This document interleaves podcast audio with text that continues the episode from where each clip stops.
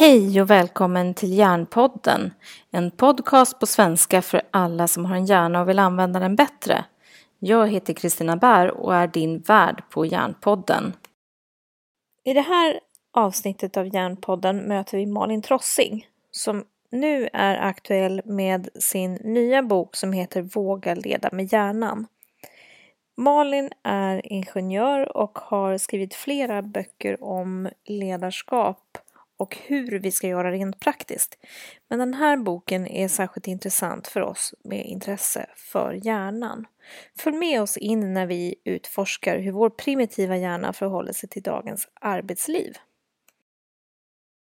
Vill du ha kontakt med mig efter programmet så är du välkommen att mejla på kristina.exist.se eller ta kontakt via LinkedIn. Då går vi över till dagens avsnitt.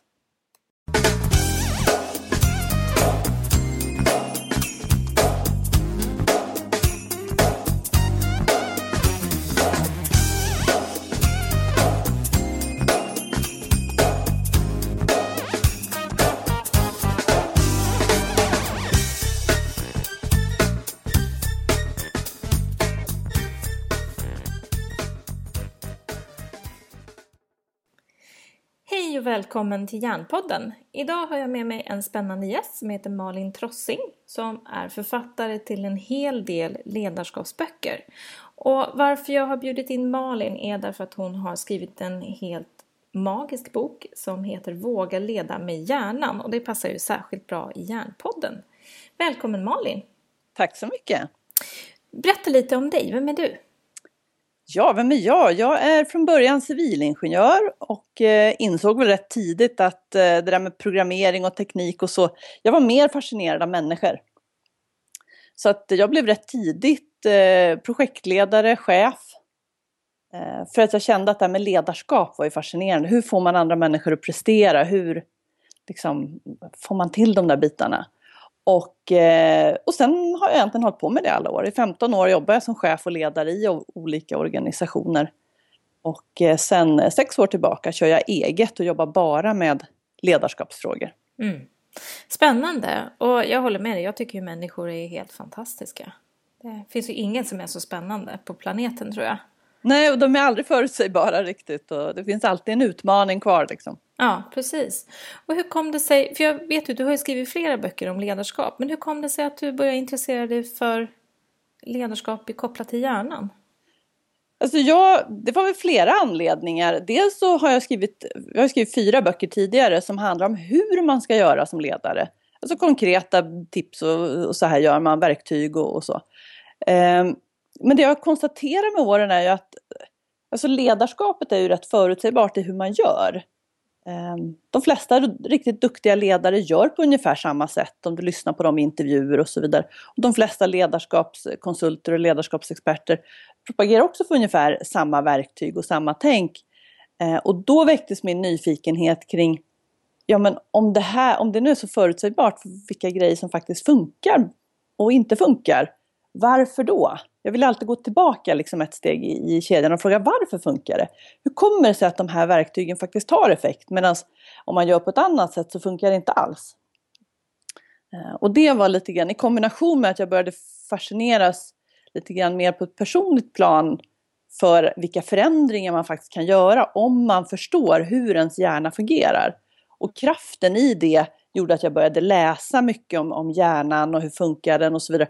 Och sen såg jag just det här sambandet. Jo, men den här funktionen i hjärnan är ju kopplad till att den här modellen eller det här verktyget funkar och så börjar jag se de här mönstren. Jag gillar att se mönster i, mm. i saker.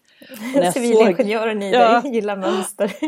och, ja. eh, och då såg jag att men det är ju det här och att liksom kunna knyta ihop det. Och, och det jag såg var att det var väldigt många riktigt duktiga hjärnforskare som kan beskriva hur hjärnan fungerar. Och det finns många som är duktiga på ledarskap och skriver om det, men jag ville liksom vara bryggan över, bryggan däremellan. För att många gånger så när man är väldigt intresserad av hjärnan och forskar på det så blir det lätt lite för, lite för mycket detaljer, lite för, för mycket liksom konstiga ord och man förstår inte riktigt och så vidare. Och det är ju inte det man behöver när man sitter i chefsrollen eller ledarrollen. Utan då behöver det, det måste vara enkelt och lättfattligt. Och, mm. och det och håller jag basic. verkligen med dig om. Jag var precis samma anledning som jag skrev min bok om hjärnan i skolan. Att även om, om kunskapen finns bakom hjärnan så behöver man ju kunna förstå. Liksom. Man behöver kunna förstå så att det blir på ett personligt och integrerat plan själv om man ska kunna använda kunskapen den nya forskningen. Så jätteroligt att du säger det, för jag, jag känner helt igen det där att, att liksom vilja vara nästan tolk. Liksom. Ja, och jag tror att det är lite grann det som händer nu därför att hjärnforskning har kommit fram så långt. Mm. Man, man, kan så mycket om hjärnan och då kan ju varje, du kan skriva om skolan och jag kan skriva om ledarskap och det finns andra som skriver om träning kopplat till hjärnan och det finns ju liksom beslutsfattande och sälj och, och alla de här grejerna. Men då kan man ju gå ut och tolka samma eh, kunskap om hjärnan fast göra det lättfattligt för den yrkesgruppen. Mm, verkligen. Att, eh, nej men det är roligt. Ja, jättekul. Och jag måste säga att jag tycker att du har verkligen lyckats förklara eh, det svåra på ett väldigt bra sätt i din bok. Så att jag, är, jag är jätteglad att du har kommit ut med din bok.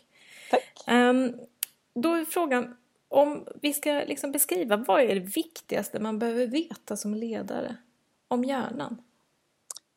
Eh, det finns ju flera saker eh, tycker jag som är viktiga att förstå men den allra viktigaste saken som jag tycker alla behöver förstå det är ju att den hjärna som vi har idag den har ju ett ursprung för 40 000 år sedan. Det var de sista bitarna i hjärnan med, med cortex och det, det utvecklades för 40 000 år sedan. Då levde vi på savannen och det sprang runt sabeltandade tigrar och vad man brukar säga.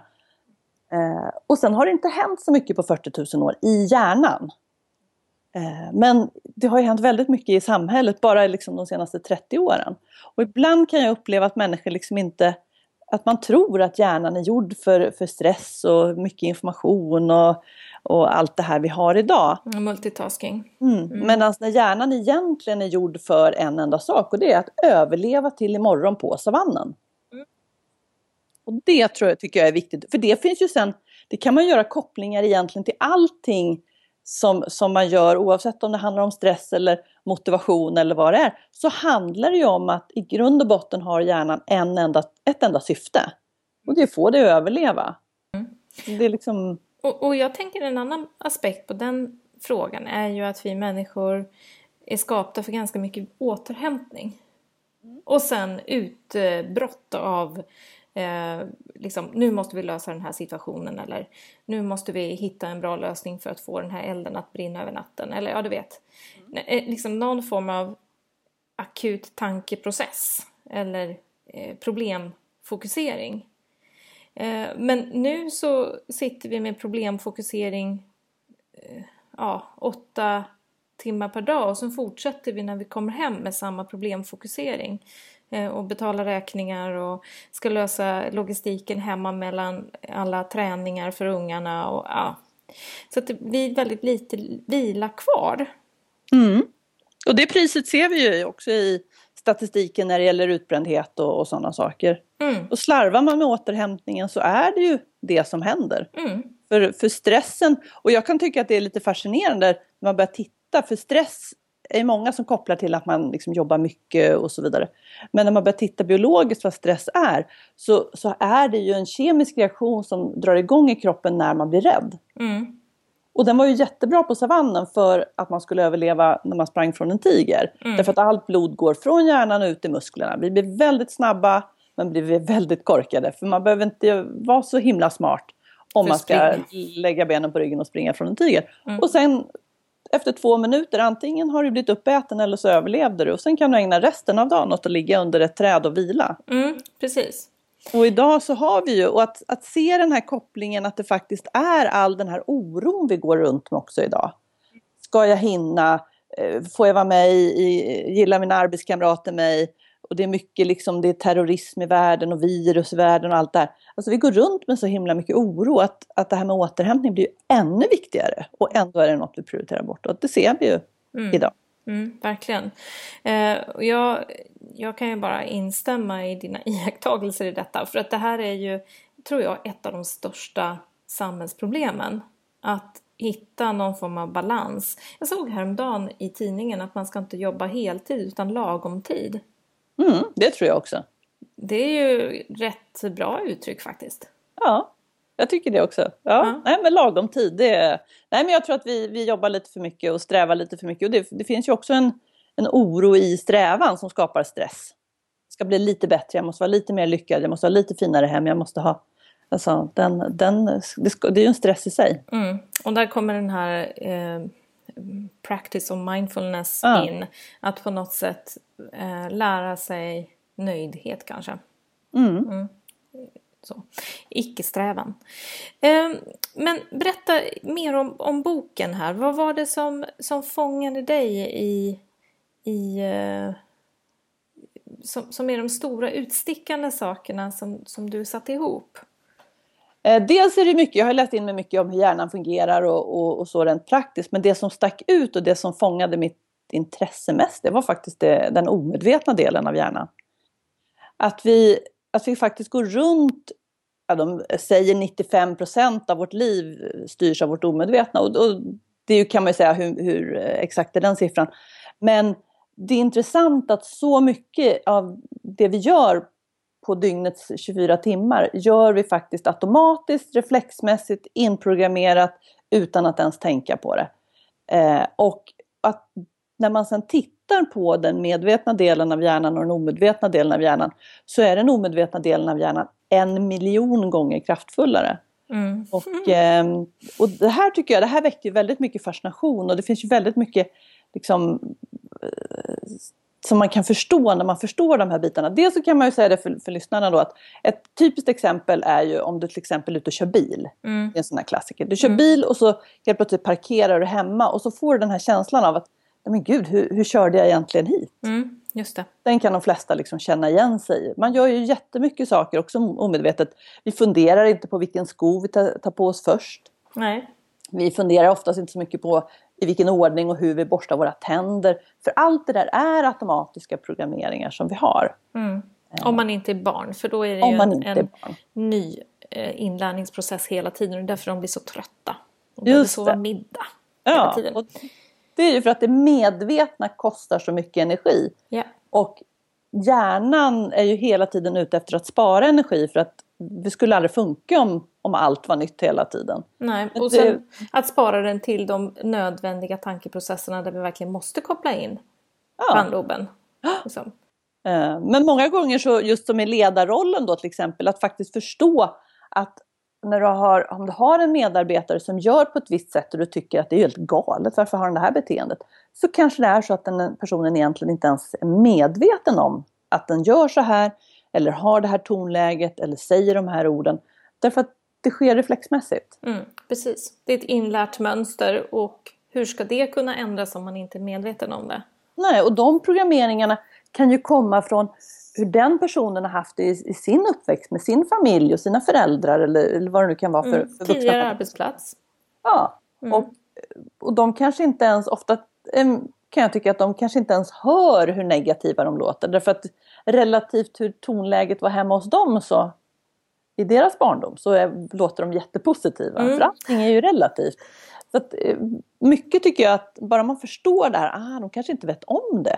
Det ökar ju min motivation som ledare att faktiskt ta ett samtal med dem. För liksom också med en helt annan ödmjukhet i att den här medarbetaren gör eller säger inte det här för att, att retas och provocera utan den är inte medveten om det. Då går jag ju som ledare också in i ett sådant samtal med en annan attityd. Mm, en annan absolut. nyfikenhet. Hur kan vi vända det här? Absolut, och det där känner jag ju jätteväl igen ifrån handledningssituationer när jag sitter med ledare. Eh, och man kan eh, liksom titta på en medarbetare lite utifrån tillsammans. Och så här, vad är det den här medarbetaren tar med sig in i rummet? Eh, i, I form av attityder, eh, tonläge, precis som du säger. Och, och, vad står det för? Vad kan det finnas bakom här? Mm. Och att man liksom ökar sin nyfikenhet att faktiskt utforska det tillsammans med medarbetarna istället för att bara kritiskt Åh, den här personen är så jobbig. Så. Eh, och att verkligen våga titta på de sakerna. Och vad bidrar jag med som ledare om jag går in på olika sätt i det här? För att det ju, tenderar ju att bli annars en negativ spiral. spiral. Eh, att man själv blir kritisk och då ökar tonläget hos medarbetaren. Eh, istället då för att man liksom kan bryta det som ledare. På något sätt att man har ansvar för det som ledare. Ja, och det där är också kopplat till hjärnan. Dels är det kopplat till när vi tittar på spegelneuroner och så att, att om jag har en attityd och ett beteende och ett agerande som ledare så kommer det att smitta av sig på medarbetarna. Om jag går in med en väldigt kritisk och negativ attityd så kommer medarbetarna att börja försvara sig också. Och det där, jag tycker den här forskningen som de har gjort där de har, har låtit olika skolklasser som är lika duktiga få göra samma prov och så går man in och förväntar sig att den ena klassen, man säger till den, åh vad det här, ni är duktiga, ni ska liksom ni kommer att fixa det här jättebra. Så går man till den andra klassen som är lika bra, så säger man nej men det här är svårt, ni kommer inte att fixa det. Um, och så får de göra provet och så ser man att de faktiskt får helt olika resultat. Genomsnittet blir, blir liksom sämre om man har sämre förväntningar.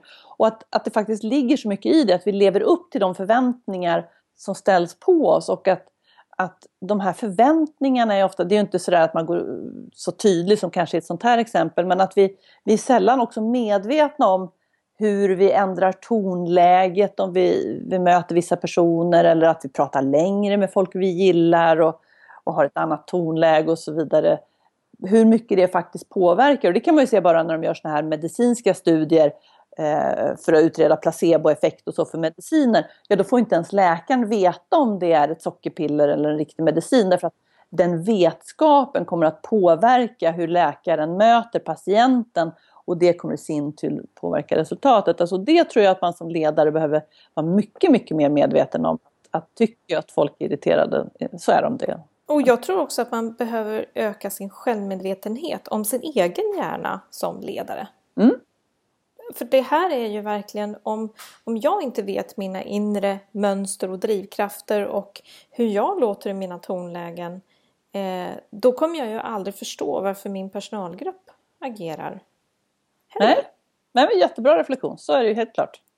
Så det är ju inte bara att vi som ledare ska förstå de andras hjärna utan också öka förståelsen om vår egen.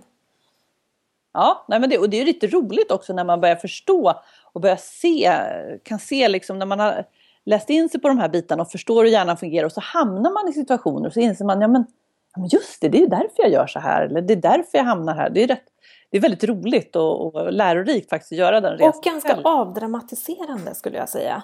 Alltså mm. man har ju sin hjärna på något sätt att skylla på och, och, kan bli lite mer förlåtande. För förut har det varit ganska mycket liksom, psykologiska negativa slutsatser att ja, jag, jag är skadad för min barndom, bla bla bla. Alltså att det har varit någonting negativt med att till exempel söka upp samtalsstöd som ledare. Mm. Men det är det ju inte när man ser det på det här sättet. Utan Nej. då är det att öka sin medvetenhet. Vad är det jag har med mig som gör mina automatiska mönster som kanske ligger i vägen för att mina medarbetare ska kunna prestera på ett bättre sätt? Och det jag tycker är häftigt i det här också när man har liksom läst in och förstår mer om det här med den omedvetna delen av hjärnan och så vidare. Det är ju att man, att man också har kommit så pass långt i forskning kring de här bitarna att man också vet att många av de här sakerna kan man förändra Man kan påverka det man har varit, varit med om.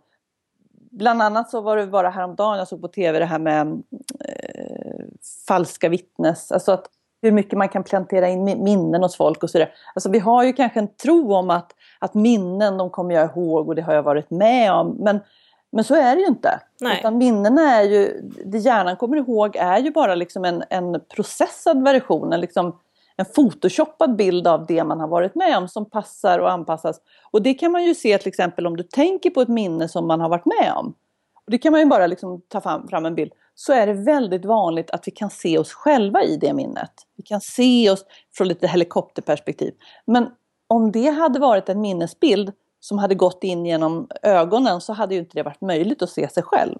Nej, för då hade vi varit på insidan. Ja, och då kan man ju också förstå mm. om jag kan se det här utifrån och se mig själv, hur mycket annat kan jag påverka i, i den här minnesbilden och så vidare. Mm. Så det, och, och jag tänker också att hjärnan har ju en förmåga att föreställa sig framtid. Och det innebär ju också att vi kan gå in och editera gamla minnen.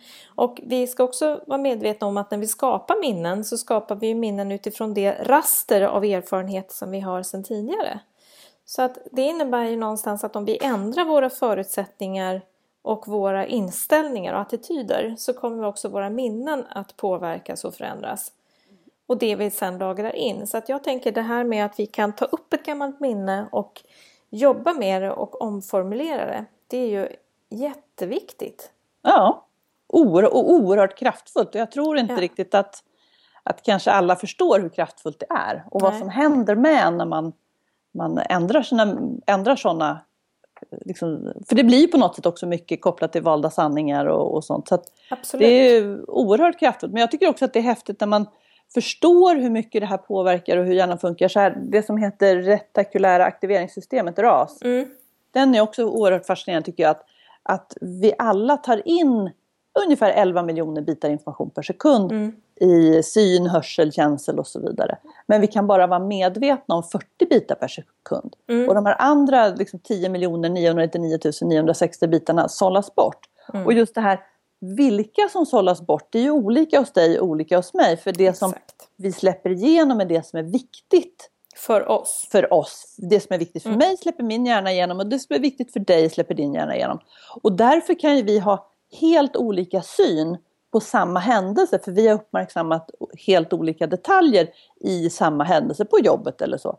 Mm, absolut. Och alla har ju varit med om det här att man köper en, en, en ny bil av en viss, eller en bil av ett visst märke och med en viss färg och sen helt plötsligt så ser man bilar av den, den färgen och det märket överallt. Japp, verkligen så. så. Eh, och det mm. tycker jag är viktigt att ha med sig också som ledare eller generellt att, att hur mycket vi faktiskt påverkas av Eh, ibland brukar vi prata om det här med att vikten av ändå positivt tänkande, för det är lite klämkäckt så här, vi ska ha positivt tänkande. Men, men det vi pratar om mycket i organisationer, pratar vi mycket om stress och vi pratar mycket om problem och hur jobbigt allting är och hur dumma alla är och, och så vidare. Så är det också det som hjärnan kommer att förstå. Aha, det är problem, stress och jobbiga personer som är viktiga. Och då kommer vi se det överallt. Och den var jobbig och där var det stressigt och mm. där var det... Och jag brukar också tänka att, att när vi ältar problem så är ju det inne i automatprogrammet. Men att hitta lösningarna på de problemen kräver ju att vi sätter oss ner och börjar koppla in tänket. Mm.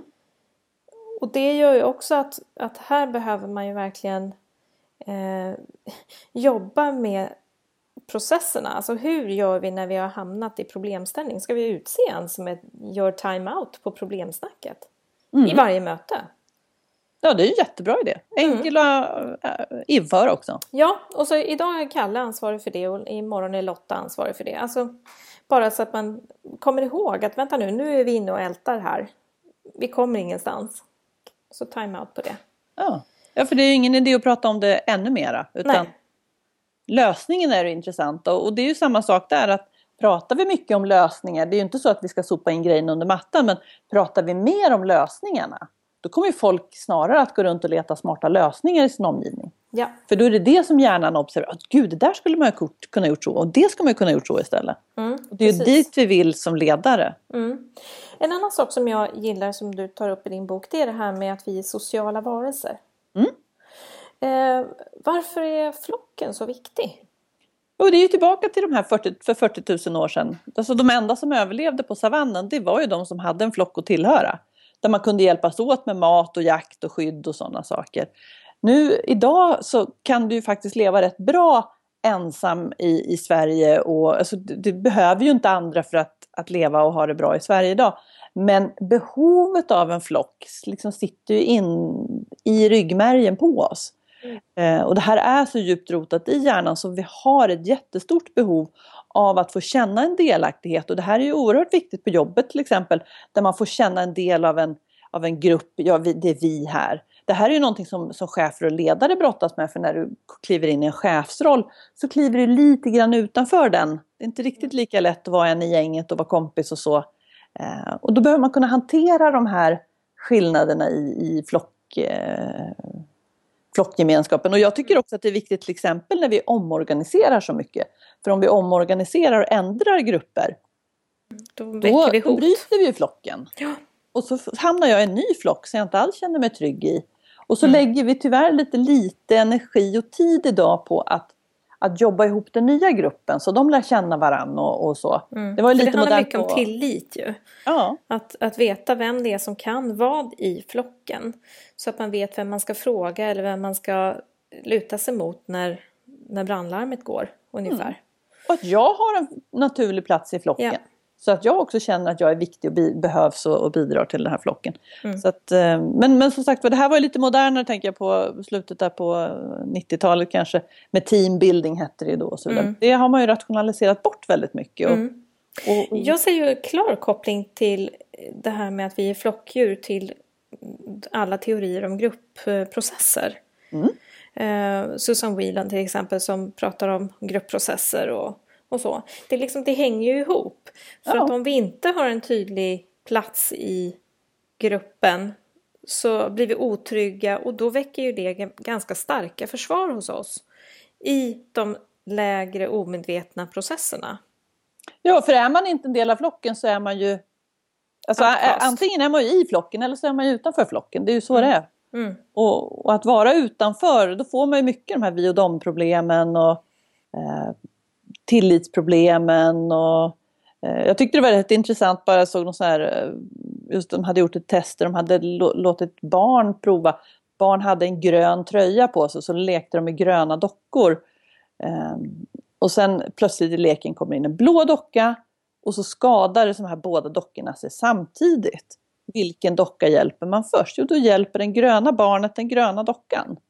Alltså den här Gemenskapen är så oerhört stark och påverkar så mycket i allt från, från vad vi har, vår lojalitet, vem vi håller med, alltså och så vidare. Och sen, så man ska inte underskatta det här eh, vikten av att, att känna sig delaktig i gruppen.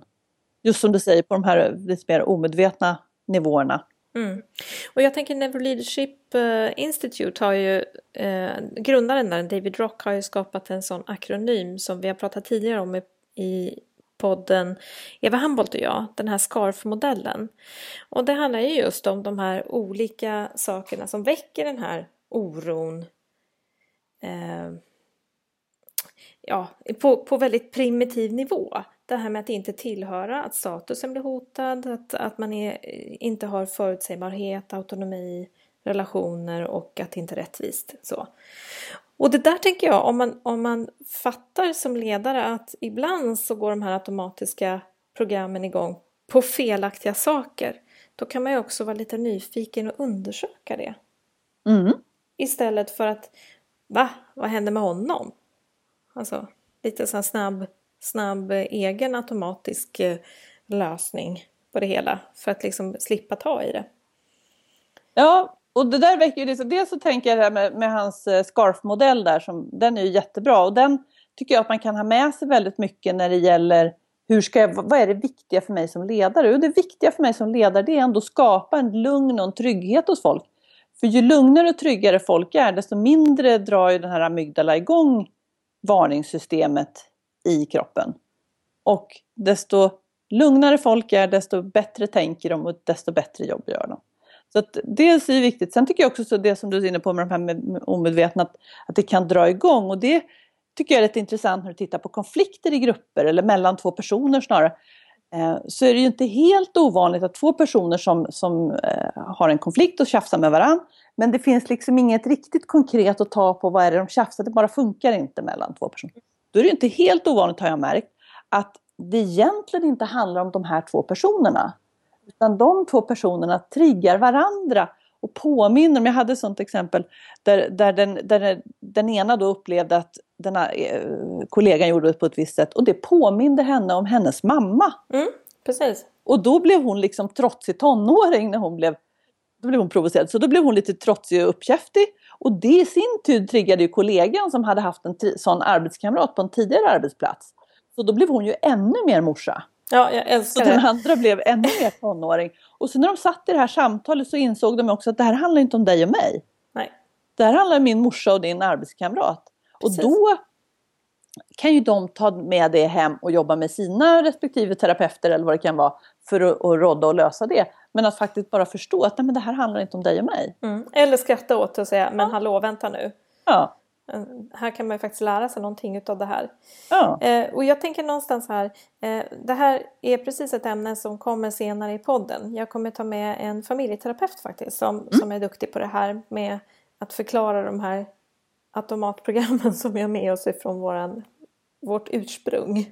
Ja, spännande. Eh, mm, så det kommer i ett senare avsnitt. Vi ska eh, planera in det och eh, ta det. Det är jättekul. Men som sagt, det är ju spännande att vara människa, helt klart. Och Ja. konflikter som uppstår på en annan nivå än med den som vi faktiskt har framför oss. Jag kan tänka på en arbetsgrupp så det, handlar det ofta om konflikter mellan personer men egentligen så borde vi rikta mer intresse mot sakfrågor.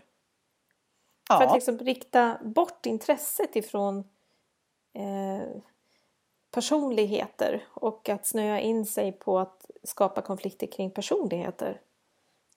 Ja, och jag tycker också det är viktigt att vara, vara, vara noggrann och prata om det här med att, att alla behövs. Att det finns olika typer av människor och olika typer av hjärnor och alla, liksom är, alla är bra på sin sak. För ibland hamnar man ju lätt i det läget i en ledarroll att, eller i en organisation att det vore mycket bättre om alla var som jag. Eh, då skulle det funka mycket bättre. Men, men det är ju, du har ju effektiviteten och kreativiteten och det gynnas ju inte av att vi är lika utan det är ju för att vi är olika och kan komplettera varandra. Men jag tycker vi pratar rätt lite om det här vikten av att vi är olika. Eh, för, för samtidigt är det klart att, att de som är väldigt olika mig så förstår jag inte riktigt hur de tänker, jag förstår inte hur de känner, jag förstår inte varför de...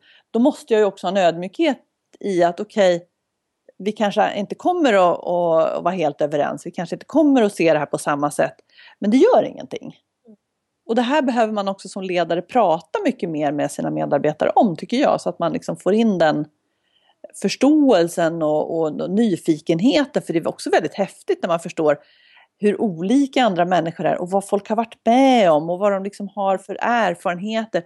Och det är oftast, alltså, allra flesta människor har gjort en väldigt häftig resa i livet som man kan liksom lära sig eh, väldigt mycket av varandra. Men vi Mm. pratar inte om det. Och jag tänker också att det kanske är just olikheterna som gör att man blir lönsam. För Ja, det om, tror jag. vi har, om vi har väldigt många olika erfarenheter i gruppen då är vi ju bättre eh, utrustade att möta olika typer av motgångar. Mm. Eller utvecklingskrav eller vad det nu handlar om. Så att om vi alla vore lika då skulle vi ju tänka på ungefär samma sätt och då skulle vi inte kunna se de hot som kommer från olika riktningar. Om vi bara har ett raster på. Mm. Och jag tänker att det, det var väl så på, på savannen också. Hjärnan kommer ju liksom från, från savannen då för 40 000 år sedan. Och, om vi hade haft bara folk som gillade att plocka bär, ja men då hade vi ju inte suttit här idag.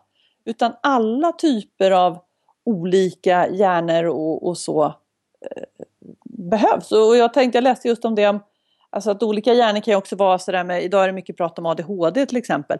Eh, jag läste att, att det var ju också de, den typen av hjärna, man kan ju undra varför, varför finns den typen av eh, järnvariant, den tänkande kvar idag? Jo, därför att det fyllde en jätteviktig funktion då, för det var de som kom med kreativa idéer. De var inte nöjda, de ville hela tiden ha, ha något annat och de började titta på andra ställen. Kan man inte bygga hus? Kan man inte... Och jag läste just en artikel om det, att de sa att där de, där de, jag vet inte om det är sant, men jag tyckte att det var rätt tänkvärt att, att de har mycket mer människor med ADHD i Amerika. Därför att nästan alla i Amerika är ditinvandrade. Mm. Och det var ju liksom en viss typ av människa som bodde i Sverige och som sa så här, nej nu, säl- nu säljer vi allt och, och åker till Amerika. Mm, Det, just det, är ju inte, det är ju de som kanske inte är nöjda och som har lite Drivkraft. drivkraft och så. Och så, Mm. så jag tyckte det var lite lustigt och jag tror att det är mycket så att förstå att alla typer av hjärnor behövs, alla bidrar, alla typer av personer behövs. Mm. Men då kan jag ju inte som, medar, liksom, som person eller individ sitta och tycka att jag menar, om alla vore som jag så vore det mycket bättre. Om du, om du bara hade varit som jag då hade ju den här podcasten varit mycket, mycket bättre. Mm, Det precis. funkar ju inte så. Nej, och jag tänker det här som du tar upp nu det är ju hela Hjärnpoddens syfte. Att vi ska förstå att vi har olika typer av tänkande, olika typer av förutsättningar och att vi behövs allihop. Mm. Det är precis det som är, är, är liksom hemligheten. Men vi behöver fatta hur vi ska kunna använda våra resurser i samhället och i stort för att vi ska skapa en lite bättre värld. Ja. Det är tur att det finns. Ja, det måste vara så. Mm. Tusen tack Malin för att jag har fått låna din tid. Eh, det här var ett väldigt intressant samtal och jag hoppas att eh, ni som lyssnar går in och beställer Malins bok för den är rackarns bra. Eh, och Malin, var får man tag i dig om man skulle vilja få tag på dig efter programmet? Jag finns på, min firma heter Dare to Lead, Våga leda, fast på engelska, daretolead.se. Och, och det handlar ju mycket om det här att ehm, jag har sett att ledarskap är ju inte så svårt i teorin. Man vet ju oftast att man borde ta svåra samtal och att man borde prioritera och fatta beslut som ledare. Men det krävs en hel del mod för att faktiskt göra det.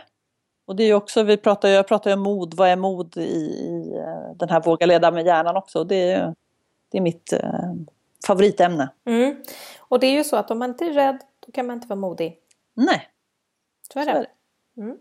Bra, men då eh, lägger jag en länk till hemsidan så att du, eh, man kan mm. hitta dig där och skicka ett meddelande om man har någonting som ja. man vill berätta eller får ni jättegärna göra. Det är mm. jätteroligt mm. att höra vad ni har för tankar om hjärnan. Ja. Tack snälla Malin och eh, på återhörande. Tack själv. Du har lyssnat på det 38 avsnittet av Hjärnpodden och intervjun var med Malin Trossing på daretolead.se.